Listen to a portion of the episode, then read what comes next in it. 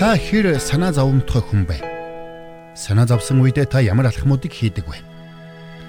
Доктор Чарлз Стенли өнөөдөр бидэнтэй энэ сэдвээр ярилцах болно. Бурхан хүмүүс бидэнд сэтгэл хөдлөлийг өгсөн бөгөөд бид өдөр бүр маш олон янзын сэтгэл хөдлөлийг мэдэрч байдаг. Тэгвэл Христэд итгэгчид бидний хувьд сэтгэл хөдлөлийн хүчтэй давлгааг хэрхэн амжилттай даван туулах вэ? Энэ асуултын хариултыг өнөөдөр доктор Стенли бидэнд өгч санаа зовнилын шаналлаас хэрхэн ангижрах аргыг зааж өгөх болно. Ингээд хамтдаа түүний ярианд анхаарлаа хандуулцгаая.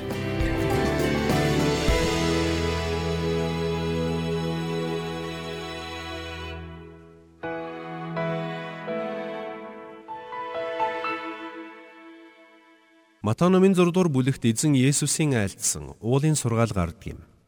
Харин Матай номын 6 дугаар бүлгийн 25-аас 34 дугаар ишлэгийг харах юм бол эзэн Есүс санаа зовнилын тухай голчлон өгүүлсэн байдаг. За тэгвэл ингээд хамтдаа Матай номын 6 дугаар бүлгийн 25-аас 34-ийг уншицгаая.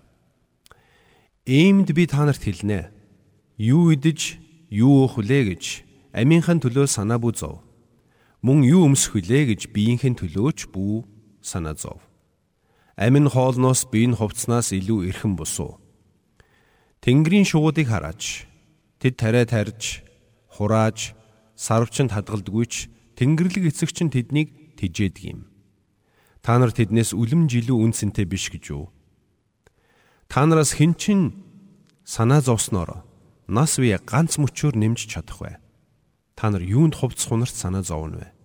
Талын сараа нь хэрхэн ургаж бүг ажиглаач. Тэд зүдэж зүтгэдэггүй. Ээрмэлч хийдэггүй. Гэвч би танарт хэлье. Соломон хаанч сүр жавхландаа эдний нэгтэнч дүүцхэр хувцлаж байгаагүй юм. Өнөөдөр амьд байгаад маргаас 100хан таягдах хээрийн өвсийг бурхан инхүү гойдог бол тэгх тусмаа тэр та нарыг илүү хувцлахгүй гэж юу? Өчүүхэн итгэлтнүүдээ. Тиймээс юу идэх вүлээ, юу уух вүлээ, эсвэл юу өмсөх вүлээ гэж санаа бүзв харийнхан энэ бүх зүйлийг чарман хайдаг билээ. Харин Тэнгэрлэг эцэгч нь та нарт энэ бүхэн хэрэгтэйг мэддэг юм. Гагцгүй эхлээд Бурхны хаанчлал ба зөвхт байдлыг хайхтун. Тэгвэл энэ бүхнийг та нарт нэмж өгөх болно. Маргааш нь өөртөө санаа тавих тул маргаашийн төлөө санаа бүү зов. Өдөр бүрийн зүдүр өдөртөө хангалттай. За тэгэхээр уулын сургаалдаа эзэн Есүс маш олон сэдвээр зааж сургасан байдаг. Гэхдээ Матай номын 6 7 8 дугаар бүлгийг хамарсан энхүү сургаалдаа Эзэн Есүс санаа зовнилын тухай маш дэлгэрэнгүй өгүүлсэн байгаа юм. Санаа зовнилын талаар эзэн Есүс яагаад ийм их зүйлийг өгүүлсэн юм бэ гэж та гайхаж ууж болох юм. Уулын сургаалдаа эзэн Есүс залбирлын тухай, хуулийн тухай болон хадан суурин дээр байшингаа барих тухай гих мэт олон зүйлийг сургасан байдаг. Үүний хажуугаар тэр санаа зовнилын тухай маш дэлгэрэнгүй сургасан байгаа юм. Магадгүй 1-р зууны үеийн хүмүүст одоо үеийн хүмүүстэй харьцуулахад санаа зовх зүйл харьцангуй бага байсан байхаа гэж та бодож үйж болох юм. Гэвч тийм биш ээ. Учир нь хүн төрлөختөн үеийн үед санаа зовнилд автсаар ирсэн юм. Тэгвэл хамтдаа өнөөдөр санаа зовнилын тухай авч үзцгээе. Ингэхдээ эхлээд санаа зовнил гэж юу болох талаар дараа нь санаа зовнил бидэнд ямар үр дагавар авчирдаг талаар эцэст нь санаа зовнилыг хэрхэн ялан дийлэх талаар ярилцах болно. За ингээд хамтдаа санаа зовнил гэж юу вэ гэдгийг авч үзье. Санаа зовнил гэдэг грек үг нь хоёр тишээ татагдах гэсэн утгатай үг байдаг юм. Өөрөөр хэлбэл санаа зовнил автсан хүн хоёр тишээ татагдж байгаа мэт байдалд ордог гэсэн үг. Угтаа бол бидний санааг зовоож буй үе түмэн шалтгаан бидний амьдралд бий. Тиймээс бид эрт орой хизээ нэгэн цагт санаа зовнилыг заавал мэдэрдэг юм санаа зовнилоос зугтах ямар ч арга байхгүй. Тиймээс санаа зовнилын асуудлаа шийдэж сурах нь хамгийн зөв алхам юм. Энэ цагт таныг би нэгэн чухал зүйлийг сайтар ойлгож аваасай гэж хүсэж байна. Юу гэвэл санаа зовнил гэдэг цаг үеэс шалтгаалдаг бос харин хүний дотор байгаа хандлагаас шалтгаалдаг зүйл юм. Жишээ нь уулын сургаалдаа эзэн Есүс санаа зовнилын тухай маш олон зүйлийг өгүүлсэн байдаг нь тухайн үед ч хүмүүс санаа зовнилд ихээр автаж байсны илрэл юм шүү дээ. Тэгэхээр санаа зовнил нь бидний орчин нөхцөл цаг үеэс бус харин бидний дотор буй хандлагаас шалтгаалж байдаг байна. Тиймээс бид санаа зовнилын тухай ярихдаа орчин нөхцөлийн тухай биш харин хүмүүний зүрхэнд байдаг хандлагын талаар ярих болно гэсэн үг. Аливаа хүний бодол санаа тэр хүнд төрж буй мэдрэмж нөлөөлж байдаг юм. Харин уг мэдрэмж нь тухайн хүний амьдралын талбар нэг бүрт нөлөөлж байдаг юм. Тухайн хүний бие махбод, сэтгэл санаа болон сүнсэнд хүртэл нөлөөлж байдаг. Тэгвэл санаа зовнилд автсан хүнд ямар шинж тэмдэг илэрх вэ? Зарим нэг илэрхий шинж тэмдгүүдийг бид дурдж болно. Гэхдээ бидний амьдрал санаа зовнил шурлан орсон болохыг илтгэх шинж тэмдгүүдийг үзэхээс өмнө эхлээд санаа зовнилыг бий болгодог шалтгаануудыг довчхон авч үзэх нь зүйтэй гэж бодож байна. Тэгвэл юу бидэнд санаа зовнилыг төрүүлдэг юм бэ? Эхний шалтгаан нь Есүс Христэнд дурдсан байгаа. Матай номын 6 дугаар бүлгийн 25 дээр иймд би та нарт хэлье. Юу идэж, юу уух билээ гэж амийнхаа төлөө санаа бүзов. Мөн юу өмсөх билээ гэж биеийнхээ төлөөч санаа бүзов. Амин хоолноос, биеийн хувцснаас илүү эрхэм босуу гэж хэлсэн байна. Тэгэхээр бидний дотор санаа зовнилыг бий болгодог хамгийн ихний шалтгаан бол өөрийн наад захын үндсэн хэрэгцээг хангаж чадахгүй байх вэ гэсэн бодлууд юм. Нэгдүгээрт. А хоёрдугаарт бид өөрсдийнхөө дотор хэд өндөр стандартыг тогтоосноос болоод санаа зовнилд мөн автж эхэлдэг. Улмаар бид өөртөө тогтоосон тэр стандарттай хүрч чадахгүй байх вэ гэхээс санаа зовж эхэлдэг юм. Жишээ нь нэг оюутан өөртөө би бүх хичээл дээрээ дандаа Э авч байх болно гэж шийдсэн байлаа гэж бодъё. Гэвч хэрвээ энэ хүлээлттэй өөрөө хүрч чадахгүй бол аяанда түүний дотор санаа зовнил бий болж эхлэх болно. Учир нь өөртөө тавьсан стандарттай хүрч чадахгүй дахин дахин бүтлгүүтэх нь эргээд тэр хүний дотор бүтлгүүтэх вий гэсэн айдас санаа зовнил түгшүүрийг бий болгож байдаг юм. Зөвхөн оюутан сурагч гэлтгүү бизнесмен, эмч, багш, цагдаа гэд ямар ч хүн ийм байдалд орох боломжтой. Ерөөсөө ингээл ойлгочих. Өөрөө өөртөө стандарт тавьж байдаг бүх хүн ийм эрсдэлд орох боломжтой. Жишээ нь зарим хүмүүс гадаад үзмжиндээ хид их анхаардаг. Тэд толинд хараад гадаад үзмжиндээ сэтгэл дундуур байдаг. Улмаар тэр хүний дотор би ямар харагдаж байгаа болоо гэсэн санаа зовнил бий болж эхэлдэг юм. Тэгэхээр харж байна уу? Бидний амьдралын аар сахар зүйлээс ч гүн санаа зовнил урган гарч ирэх боломжтой болохыг эндээс харж байна. Тиймээс ч эзэн Есүс айлдахдаа юу өмсөх вүлээ, юу идэх вүлээ, юу уух вүлээ гэж санаа бүү зовоо. Ийм бодлуудаас ч санаа зовнил үүсэн гардаг юма гэж бичсэн байна. Бидний дотор санаа зовнил бий болдог өөр нэгэн шалтгаан бол уур бухимдал юм. Өөрөөр хэлбэл та хэн нэгэн хүнд уурлаад яваад байна гэсэн үг. Өнөөдөр маш олон хүн дотроо уур бухимдлыг тань амьдарсаар байна. Тэр бүхэл тэдний зарим нь уур бухимдал тань амьдарч байгаагаа ч анзаардаггүй үр хүүхдүүдтэй уурсан эцэг эхчүүд, эцэг эхтэй уурсан хүүхдүүд, эхнэртэй эсвэл нөхөртөө уурсан хань ижлүүд, эсвэл олон жилийн өмнө өөрийг нь хохироосон тэр нэгэн хүнд өс сансаар яваа нэгэн гээд тоочод байвал дуусахгүй олон. Улмаар тэр хүний зүрхэнд хорсол, занал буцалж эхэлдэг юм. Тэгэд юу болох вэ? Үүнийг дагсан санаа зовнилууд ундарч эхэлдэг. Шийдэж чадалгүй орхисон үл ойлголцол, өөрчлөлтүүд нь бидний дотор санаа зовнилыг бий болгож байдаг юм. Тиймээс найз минь чи зүрхний чинь гүнд уур хилэн ата хорсол байгаа эсхийг нэгтлаарай. Шийдэж чадалгүй орхисон зөрчил байна уу гэдгийг анхаараарай. Эцэст нь бидний дотор санаа зовнилыг бий болгож байдаг нэгэн чухал шалтгааныг эзэн Есүс дурдсан байгаа. Матай номын 6-гийн 27-ыг харах юм бол та нараас хэн ч ч санаа зовсноороо нас бие ганц мөчөөр нэмж чадах вэ гэсэн байна. Эндээс бид харвал өөрсдөөс огтхон шалтгааллахгүй зүйл дээр санаа зовж байдаг байх нь бид тухайн зүйлийг биднээс огт шалтгааллахгүй гэдгийг мэдсээр байж санаа зовнсоор байдаг юм. Заримдаа эцэг эхчүүд хүүхдүүддээ хүрхийн аргагүй стандарт тавьчихдаг. Улмаар хүүхдүүд нь эцэг эхийнхээ хүлээлтэд хүрч чадахгүй гэсэн бодлоосоо болоод санаа зовнил автдаг. Гэтэл бурхан бидний хүрх боломжгүй хүлээлтэд хүрэхийн тулд өөрийгөө зовоож амьдраасаа гэж хүсдэггүй юм. Бид өөрсдөө боломжгүй нөхцөл байдлаас болж өөрсдийгөө зовоохгүй байхад сурхаас гадна өөрсдөө бусдад хүрэх боломжгүй стандарт тавьж хүрэх боломжгүй хүлээлт үүсгэхээс зайлсхийх учиртай юм. За ингээд цаашаа хамтдаа үргэлжлүүлээд альва хүний дотор санаа зовнил байгаа гэдгийг илтгэх шинж тэмдгүүдийг авч үзцгээе. Бид өвчхөн дүрдээд явах болно. Та эдгээр шинж тэмдгүүд нь таны амьдралд байгаа эсхийг анзаараад яваарай. Эхнийх нь мартамхай болох. Альва зүйлд маш их санаа зовж эхлэх үедээ хүмүүс мартамхай болж эхэлдэг юм. Санаа зовнил гэдэг үг нь бодол санаа хуваагдах гэсэн утгатай үг болохыг бид үзсэн. За тэгвэл санаа зовнил гэдэг нь бидний бодол санааг нэг хэсэг рүү хит их төвлөрүүлээд бусад зүйлийг мартуулж байдаг байна. Хоёрдугаарт анхаарал төвлөрөх чадваргүй болдог. Та Таны бодол санаа хуваагдсан тохиолдолд та анхаарлаа төвлөрүүлж чадахгүй төхөрнө. 3 дугаарт цочмог түргэн ууртай болдог.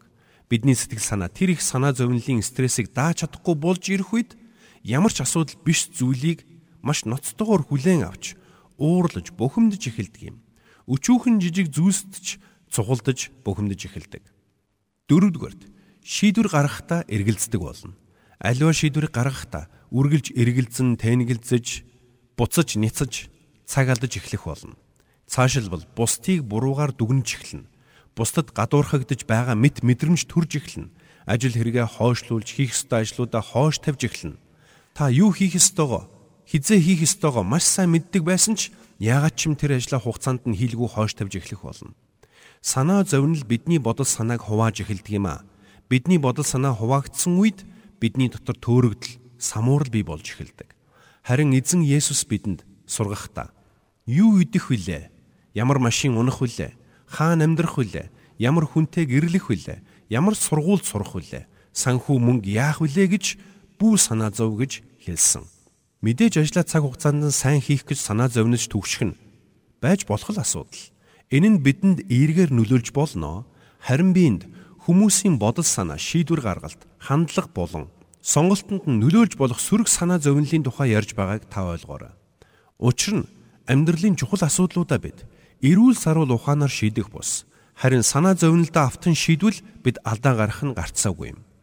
Тэгвэл хамтдаа санаа зовнилд автсны дараа бидэнд юу тохиолдог болохыг авч үзцгээе. Бидний саяхан ярьсан бүхэн санаа зовнилын үр дүн нь биш юм гэж юу гэж та бодож байж болох юм. Миний саяхан дурдсан бүх шинж тэмдгүүд бол бүгд таны дотор санаа зовнил байгааг илтгэх үл анзаарагдам жижиг шинж тэмдгүүд юм. Харин санаа зовнилын үр дагавар нь юу гэдгийг одоо авч үзье. Юуны төрөнд санаа зовнилд автсан хүн дүнсгэр болж хувирдаг. Нэгэн цагт ирч хүчтэй урам зоригоор дүүрсэн байсан хүн нэг л мэтгэд дүнсгэр, дуумуутай, уцаартай нэгэн болж хувирдаг. Учир нь санаа зовнил бидний ирч хүчийг сорж байдаг юм. Улмаар санаа зовнилд автсан хүн ирч хүчээ алдаж дүнсгэр уцаартай нэгэн болж хувирдаг. Хоёрдугаарт санаа зовнил нь бидний урам зориг, амьдралын баяр баясгалыг үгүй хийдэг. Таны бодол санааны угт санаа зовнил нуугдж байгаа цагт та ирч хүчтэй, баяр хөөртэй амьдарч чадахгүй. Улмаар бид хамгийн дуртай, хамгийн сонирхдаг байсан зүйлдээ нэг л мэдхэд дур сонирхолгүй болж орхидог юм. Жишээ нь та ажилдаа дуртай, эсвэл гэр бүлдээ хайртай нэгэн байсан бол санаа зовнил автан удаан явсаар нэг л мэдхэд ажилдаач дургүй, гэр бүлдээч цаг гаргах, сонирхолгүй нэгэн болж хувирсан байх болно. Тэгээд та өөрөөсөө яагаад би ийм болчихоо вэ хэмээн асууж эхлэх болно. Хүмүүст урт удаан хугацааны туршид санаа зовнилд автан явсаар нэг л мэдхэд ийм байдалд орчихдөг юм. Харамсалтай нь тэд үүнийг тэр бүр анзаардаггүй юм. Үүнийг үнэн боддоор олж мэдэх цагт бүх зүйл аль хэдийн оройтчихсан байдаг. Тийм учраас би танд санаа зовнилд автсан хүнээс илрэх үл анзаарагдам шинж тэмдгийг хэлж өгöd байгаа юм. 3 дугаарт санаа зовнилд автсан хүний ажлын бүтээмж эрс буурдаг. Бид энэ ертөнцийн зүйлсд санаа зовж эхлэх үед бидний үр бүтээл эрс буурдаг гэдгийг Библич гэрчилдэг. Цаашилбал санаа зовнил бидний бие махбодд ч сөргөөр нөлөөлдөг. Тиймээс бид санаа зовнилоо зөвөр шийдэж сурахгүй юм бол эцсийн нүндээ энэ нь бидний амьдралыг бүхлээр нь сүрүүлэх эрсдэлтэй юм. Тэгвэл бид санаа зовнилын асуудлыг хэрхэн шийдэх вэ? Хүн бүр их баг ямар нэгэн хэмжээгээр санаа зовнилын асуудалтай нүүр тулж байдаг юм. Тэгвэл энэ бүх санаа зовнилын асуудлыг шийдэх ганцхан хариулт гэж би юу? Мэдээж үгүй. Тиймээс эхлээд би санаа зовнилын асуудлаа шийдэх гэж оролдохдоо хүмүүсийн хийдэг нийтлэг алхмуудаас жишээ татъя гэж бодож байна. Зарим хүмүүс санаа зовнилын асуудлаа шийдэхин тулд тайвшруулах им ууж эхэлдэг. Тэр им нь тэднийг асуудлаас нь чөлөөлж өгнө гэж тэд эннүрдэг. Гэвч тэд нэгээр ууж байсан им нь 2 сарын дараа 2-ыг ууж, 3 сарын дараа 3-ыг ууж эхэлдэг. Үүгээрээ тэд санаа зовнилын асуудлаа төрхөн зуурын арга цаасан шийдлэр шийдэх гэж оролдож байна гэсэн үг юм. Өөр хэсэг хүмүүс нь арх дар сууж эхэлдэг юм.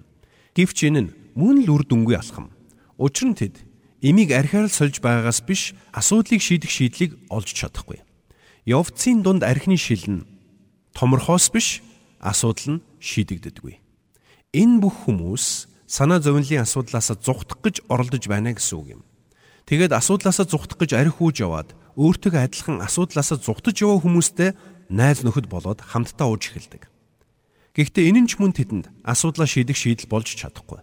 Учир нь тэр хоёр хүн хоёулаа адилхан зовлонтой, адилхан замаар яваа хүмүүс эцэстээ хамтдаа нэг л мухар гудамжинд тулаад зогсох болно. За мөн өөр хэсэг хүмүүс нь газар зүйн байршлаа өөрчилбөл асуудал нь шийдэгдчих юм шиг сандаг. Тиймээс тэд бүхнийг ардаа орхиод урт удаан хугацаагаар амралт авдаг. Ингэснээр тэд санааг нь зовоож байгаа зүйлээс хэсгэн хугацаанд болов холдож санаагаа төр болов амрааж чаддаг. Гэвч гол асуудал нь тэднийг амралтаасаа эргээд ирэхэд хуучин нөхцөл байдал нь өгтөж авдаг. Гэртээ орж ирээд хаалгаа нэхэд л хаалганых нь цаана санаа зовнил нь хүлээж байдаг юм. Өөрөөр хэлбэл бид санаа зовнилоосоо газар зүйн хувьд холдож зугтах боломжгүй юм. За тэгвэл өөр хэсэг хүмүүс нь зугаа цэнгэлийг шийдэл болгох гэж оролддог. Би хөгжилтэй зугаатай байж чадвал тэр бүхнийг мартаж чадна гэж тэд боддог. Улмаар тэд цагийг аль болох зугаатай хөгжилтэй өнгөрүүлэх гэж хичээж эхэлдэг юм. Гэхдээ энд нэг асуудал бий. Та өдрийн туршид идэвхтэй байж зугаацж, цэнгэж болгоч орой унтахаар орондоо орох үед таны санаа зовнил таныг дахиад л шаналгаж эхлэх болно. Өөрөөр хэлбэл та санаа зовнилоос төр зуур холдсон ч энэ асуудлаа бүр мөсөн шийдэж чадаагүй гэсэн үг. Мөн зарим хүмүүс санаа зовнилоо дарахын тулд дэлгүүр хэсэж худалдан авалт хийж сатаарахыг хүсдэг. Тэд хотын төвд очиод дэлгүүрээс дэлгүүр хэсэж худалдан авалт хийснээр асуудлаа шийдчихнэ гэж боддог. Хэрвээ би шин даашинз аваад өмсчих юм бол, шин цамц авчих юм бол, шин гуталтай болчихвол гадаад байдлаа өөрчилж ихвэл сэтгэл санаа минь дээрдэндээ гэж тэд эндүрдэг. Эцэст нь тэд бүх мөнгөө барчхаад дахиад л санаа зовнилдоо автаж эхэлдэг. Та эндээс нэг зүйлийг анзаарсан байх. Энэ бол эц төгсгөлгүй тойрог. Эзэн Есүс бидэнд бүү санаа зов гэж айлтсан. Харин хүмүүс санаа зовнилоосоо зүгтаах гэж оролдоод эцэст нь мухар гудамж руу орчихдөг юм. Бидний сэтгэл санаа бие махбодыг зовоож буй санаа зовнилоос бид зүхтах гэж оролдвол ямар ч үр дүнд хүрэхгүй юм. За тэгвэл сайн сонсоорой. Та санаа зовнилын асуудлыг бүр мөсөн шийдэхийн тулд та дараах гурван алхмыг хийх хэрэгтэй юм. Өөрөөр хэлбэл сэтгэл хөдлөлтөй холбоотой асуудлуудад шийдлийг санал болгох бүртээ би хамгийн ихэнд дандаа нэг зүйлийг хэлж байгаа. Энэ бол Есүс Христэд итгэж түүнийг аврагч эзнээ болгон хүлээн авах явдал юм. Энэ алхмыг хийхээс нааш та хичнээн сэтгэл зүйж, сэтгэл судлаач дээр очлоо гэд нэмэргүй юм. Та бурхантай эвлэрч, бурхантай учир зүгээ олохоос нааш таны асуудал нэг мөр шийдэгдэх боломжгүй юм. Учир нь та өөрийн хүчээр үүнийг хийж чадахгүй. Та өөрийн бодол санаандаа баг зэрэг өөрчлөлтүүдийг оруулж болох ч таны дотор шийдэгдээгүй асуудлууд байсаар байх болно. Бидний зүрхэнд буй санаа зовнилын гол шалтгаан нь юу болохыг та мэдв үү? Энэ бол Бурхан болон тэр хүний хооронд буй шийдэгдээгүй зөрчил тэмцэл юм. Бурхантай зөрчилдөж, Бурханыг эсэргүүцсэн амьдарч буй хүн яаж санаа амар байж чадах вүлээ? Бурханыг үгүйсгэж, Бурханыг үл тоож, Бурханаас татгалзан амьдарч байгаа хүн яаж өөрөө өөрийгөө болон бусдыг хүлээн зөвшөөрч амьдарч чадах вүлээ? мөнхийн амийг бурхнаас хүлээн авч чадаагүй хүний сэтгэл санаа яаж амар амгалан байж чадах вэ? Бурхнаас баяр хөөргийг хүлээж аваагүй хүн яаж баяр хөөрөөр дүүрэн амьдарч чадах вэ? Бурхны амар амгалан хүлээж аваагүй хүн яаж амар амгалан амьдарч чадах юм бэ? Тиймээс санаа зовнилын асуудлаа шийдэх хамгийн ихний үндсэн алхам бол Бурхан руу эргэж Бурханаас авралыг авах явдал юм. Хэдийгээр та яг одоогоор цөхрөнгөө барчхаагүй байж болохч та маш хүнд нөхцөл байдалд байгаа гэдгээ ойлгох хэрэгтэй. Тэгэхээр эхний алхам нь Бурханд итгэж амьдралаа түүнд өргөх явдал байх нь. Өөрөөр хэлбэл түүний хүү Есүс Христийг зүрх сэтгэлдээ амьдралдаа урьж оруулна гэсэн үг юм. Харин хоёр дахь алхмыг Филиппо номын 4-р бүлэгт өгүүлснээр хэлж өгье. Хамтдаа Филиппо номын 4-р бүлгийн 6-р эшлэлийг гаргаад харъя юунд ч бүү санаа зов. Харин альва зүйлд залбирлаараа болон үйлтараа талархалтайгаар хүсэлтэд бурханд мэдүүл. За харж уу? Энд элч Паул юунд ч бүү санаа зовоо гэсэн байна. Энд том эсвэл жижиг гэж ялгаагүй. Юунд ч бүү санаа зовоол гэж хэлсэн юм. Энэ нь таны эргэн тойронд байгаа бүх зүйлс гэсэн үг. Өөрөөр хэлбэл таны амьдрал санааг чинь зовоож байгаа юу л байна? Түүнийг бүгдийг нь бурханд хэлээ гэсэн үг. Ингэхдээ залбирлаараа болон гуйлтаараа гэж хэлсэн юм. Өөрөөр хэлбэл бид бурханд бүрэн итгэж найдаж түүнд бүрэн бууж өгнө гэсэн үг. Энэ нь та бурханд юу хийхийг нь заах бус. Харин түүний өмнө даруугаар ирж түүний өөр чинь хэлхийг хүсч буй бүхнийг хүлээж авахта бэлэн бай гэсэн үг юм. Тэгж чадвал Филиппо номын 4-ийн 7-д бичигдсэн үгс нь үргэлжлүүлэн таны амьдралд биелэлээ олох болно. Долоог нь харъя. Бүх оюун ухааныг давах Бурхны амар тайван та нарын сэтгэл санааг Христ Есүс дотор хамгаалнаа. Үнэхээр гайхалтай. Өөрөөр хэлбэл Бурхны төгс амар амгалан таныг хан хэрэм мэт хүрээлнэ гэсэн үг. Ингэснээр таны дотор эдгэрлийн үйл явц эхлэх болно. Санаа зовнилоос ангижирснаар бидний хүрх ёстой эцсийн зорилго бол төгс амар амгалан юм. Эцэст нь таны хийх ёстой сүүлийн алхмыг би танд хэлж өгье. Хамтдаа 1-р Петрийн 5-р бүлгийг нэгэд харъя. 1-р Петрийн 5-ын 7 дээр ингэсэн байна. Тэр та нарт санаа тавьдаг учраас бүх зовнилоо түүнд хай. Өөрөөр хэлбэл бүх санаа зовнилоо түүнд даатгах үед тэр хайр дотроос биднийг тэнхрүүлж, тайвшруулж, ивэж өрөөдөг юм. За тэгэхээр дүгнэн хэлье. Та санаа зовнилоос салах хамгийн ихний үндсэн алхам бол Бурхан эцэг рүү эргэж түүний хүү Есүс Христэд итгэх явдал байх нь. Хоёрдугаарт Бурханд бүх санаа зовнилоо ярьж түүнд залбирах.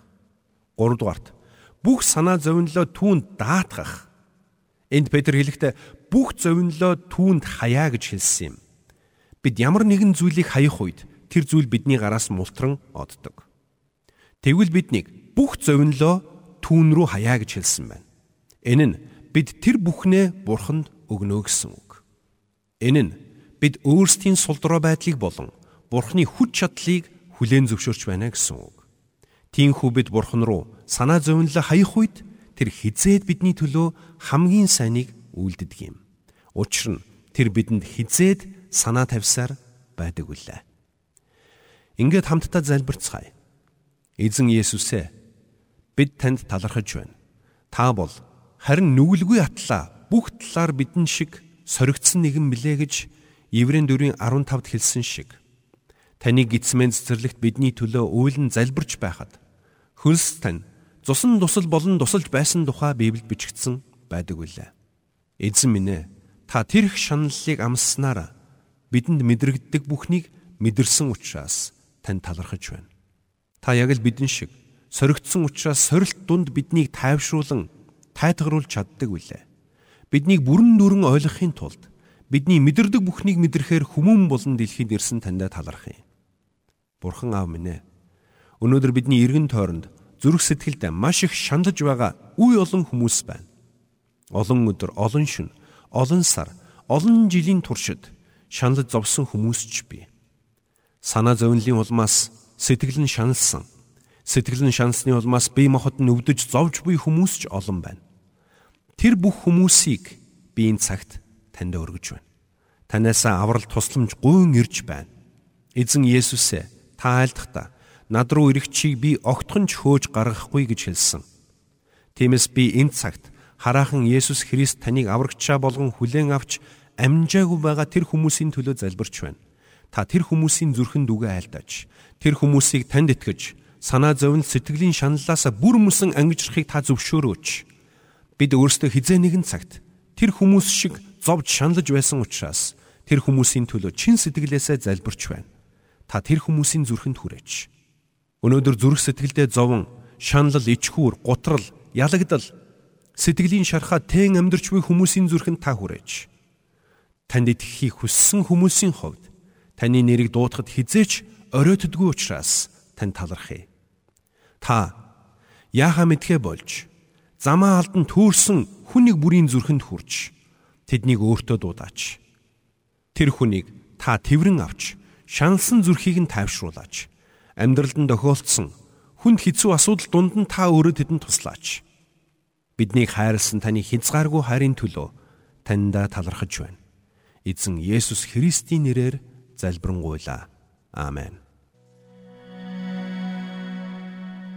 Биднийг санаа зовнилоо ялан дийлэхэд маань туслахыг эзэн Есүс үргэлж хүсдэг гэдгийг бид сурч мэдлээ.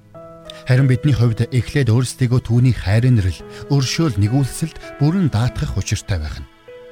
Тэр өөрөө нэгэн цагт бидэнтэй адил хүмүүний ёсоор амьдарч байсан учраас бидэнд тохиолддог зовлон шанал нэг бүрийг маш сайн мэддэг.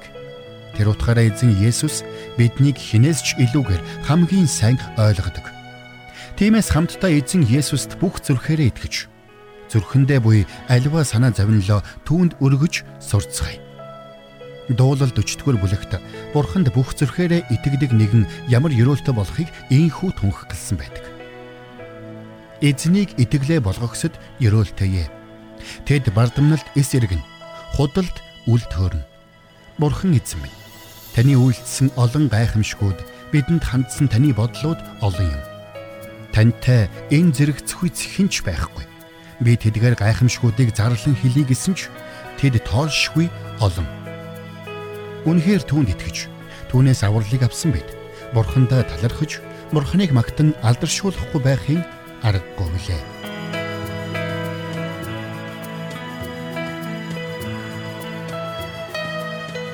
Бурханд тэмүүлсэн сэтгэл хүмүүсийг энэрх зөрхөөр амьдрахад туслах номлогч доктор Чарлз Стенлигийн хамттай нэвтрүүлэг сонсогч танд хүрэлээ. Нэвтрүүлгийг дахин сонсохыг хүсвэл ихтгэл радиоцик.com-оор зочлоорой. Бидэнтэй холбогдохыг хүсвэл 8085 99 тэгтэг дугаард хандаарай.